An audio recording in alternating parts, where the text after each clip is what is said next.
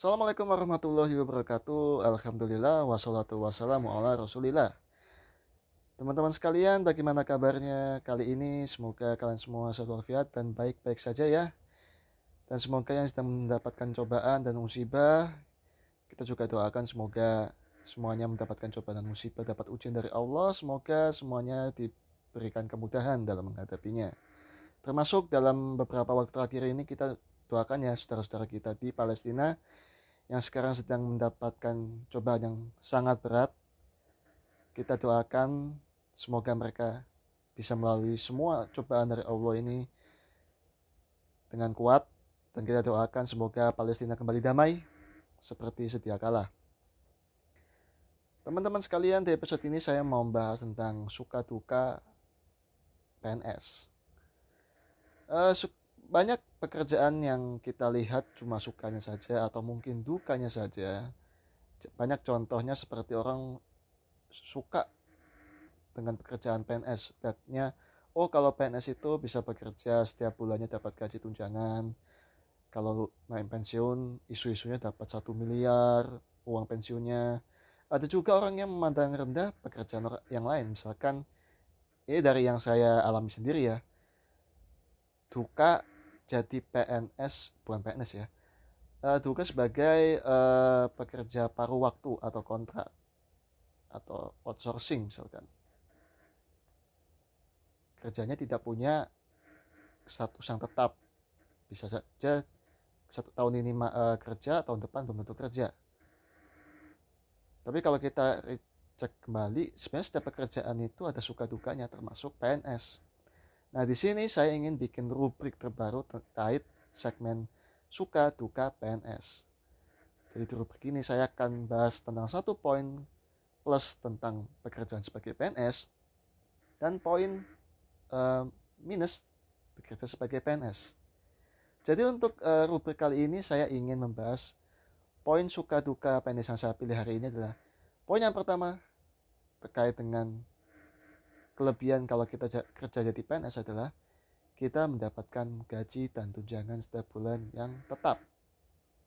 Nah, saya pilih uh, poin ini karena sebenarnya poin ini bisa didapatkan di pekerjaan-pekerjaan swasta sebenarnya teman-teman. Hanya saja gaji dan tunjangan ini saya ambil poin sebagai poin plus kerja sebagai PNS karena menurut saya kerja sebagai PNS itu unik. Karena ada digaji dan dikasih tunjangan oleh negara. Which is tidak uh, punya risiko yang besar untuk bangkrut atau gagal bayar. Misalnya seperti uh, perusahaan swasta. Banyak perusahaan swasta di luar sana yang mungkin memiliki kesulitan keuangan sehingga kadangkala dalam kondisi yang terpuruk perusahaan tidak bisa memberikan gaji dan tunjangan kepada pegawai-pegawainya. Kadangkala memutuskan uh, kontrak kerja sepihak kepada pegawai dan tidak membayarkan uang pesangon. Dan banyak sekali kasus itu terjadi di luar sana. Kalau di PNS, menurut saya gaji dan tunjangan itu meskipun tidak terlalu banyak, selalu saya bilang cukup, bukan berarti kaya.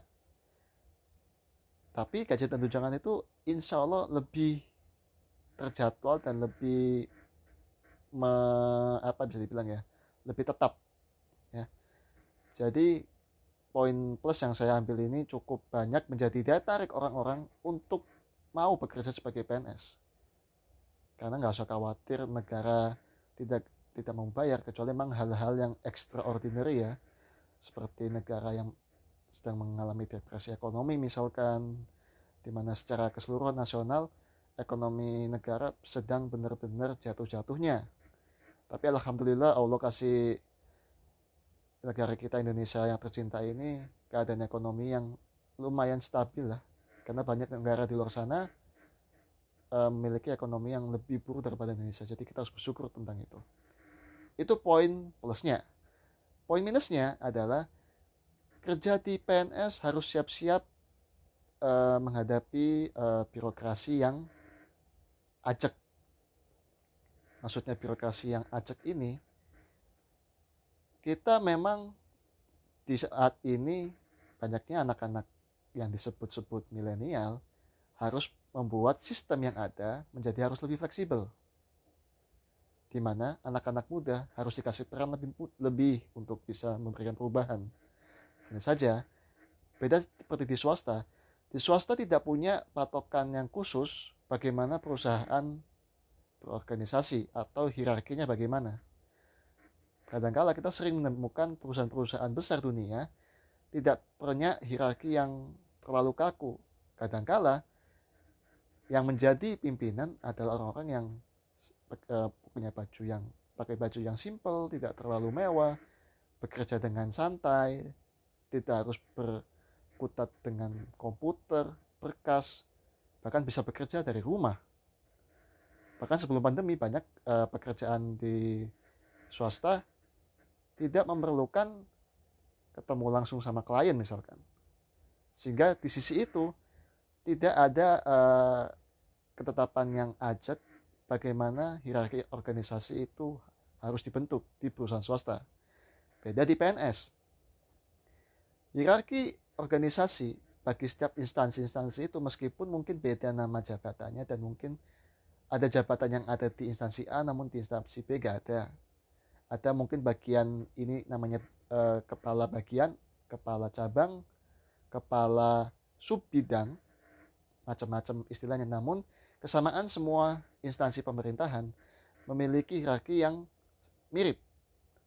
Dari staf, eselon 4, eselon 3, eselon 2, eselon 1 hingga pejabat negara. Nah, hierarki ini cukup uh, menyulitkan perkembangan bagi para pegawai secara tidak langsung ya. Bukan berarti tidak bisa berkembang secara baik, kalau kita menjadi PNS. Hanya saja ketika ada hierarki yang ajak, kesempatan juga tidak bisa bebas perusahaan swasta yang punya hierarki yang lebih fleksibel. Saya pribadi bisa menceritakan banyak eh, hal-hal uh, yang membatasi pegawai-pegawai di pekerja uh, di instansi pemerintahan yang mana karena birokrasi yang ajak itu menghambat mereka mereka yang sebenarnya punya potensi untuk berkembang terhalangi oleh birokrasi itu tadi. Seperti jabatan ini kamu mungkin uh, orang yang bisa punya kompetensi itu tapi tidak punya persyaratan-persyaratan yang lain secara administrasi padahal secara substansi orang ini mampu menjalankan jabatan tersebut sehingga dia tidak bisa menduduki jabatan yang lebih tinggi tersebut. Bisa saja mungkin karena belum memiliki jenjang pendidikan yang dibutuhkan. Meskipun sebenarnya jenjang pendidikan itu hanya syarat ya kalau di dunia pekerjaan. Padahal secara substansi kalau kita tes orang ini bisa nih untuk menduduki jabatan ini dan pantas.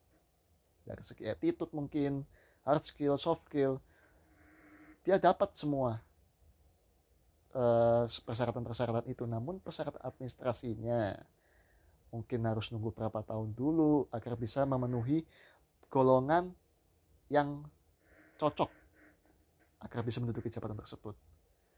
Itu yang menghalangi perkembangan PNS karena birokrasi yang ajak sehingga kadangkala ketika anak-anak milenial yang suka bekerja sesuai dengan passion mereka which is good itu bagus Ketika masuk ke dunia birokrasi, dunia pemerintahan, banyak yang kaget.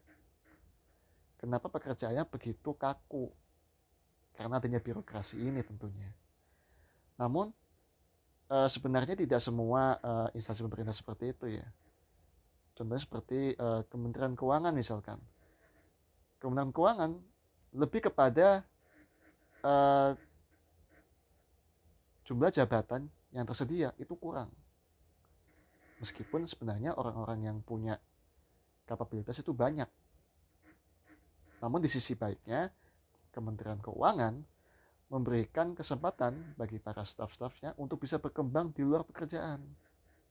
Sehingga mereka tidak terkurung di dunia birokrasi yang itu-itu saja sehingga kesimpulan dari uh, podcast episode kali ini terkait dengan rubik pertama suka duka jadi PNS adalah poin plusnya kita menjadi PNS kita bisa mendapatkan gaji dan tunjangan yang meskipun tidak bisa dibilang banyak namun kita bisa mendapatkan uh, gaji dan tunjangan yang lebih terjadwal dan lebih bisa dijagain jumlahnya.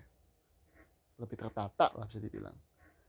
Namun poin plus poin minusnya adalah kita tidak mampu mendapatkan kesempatan yang lebih luas untuk berkembang seperti apa yang kita benar-benar mau dan kita inginkan karena birokrasi yang cukup kaku ya. Sehingga ketika kita mau jadi PNS semoga poin plus dan poin minus ini bisa dipertimbangkan buat teman-teman yang punya keinginan untuk masuk menjadi CPNS kebetulan di tahun ini pemerintah sudah mengumumkan akan membuka pendaftaran CPNS tahun 2021 untuk jumlah formasi kementerian mana saja yang buka dan ke mana cara daftarnya bisa lihat di Google saja teman-teman. Tapi yang paling penting, informasi resmi hanya bisa dilihat dari instansi uh, situs instansi pemerintahan. Dari situsnya Kementerian Pan RB atau kementeri uh, situs kementerian masing-masing yang membuka lowongan tentunya. Dan juga hindarilah info-info dari uh, sumber-sumber yang kurang kredibel. Jadi semoga yang mau masuk CPNS semoga poin-poin tadi bisa dipertimbangkan dan kita akan ketemu lagi entah rubrik suka duka PNS lagi atau mungkin nanti di episode berikutnya saya akan mengundang narasumber yang lain dan semoga kita semuanya bisa mendapatkan manfaat dari podcast ini mohon maaf bila ada salah kata dan perbuatan semua salah dari saya yang semua baik datangnya dari Allah Sekali lagi terima kasih buat teman-teman yang sudah mendengarkan. Semoga saya bisa lebih sering update uh, di podcast ini. Terima kasih. Assalamualaikum warahmatullahi wabarakatuh.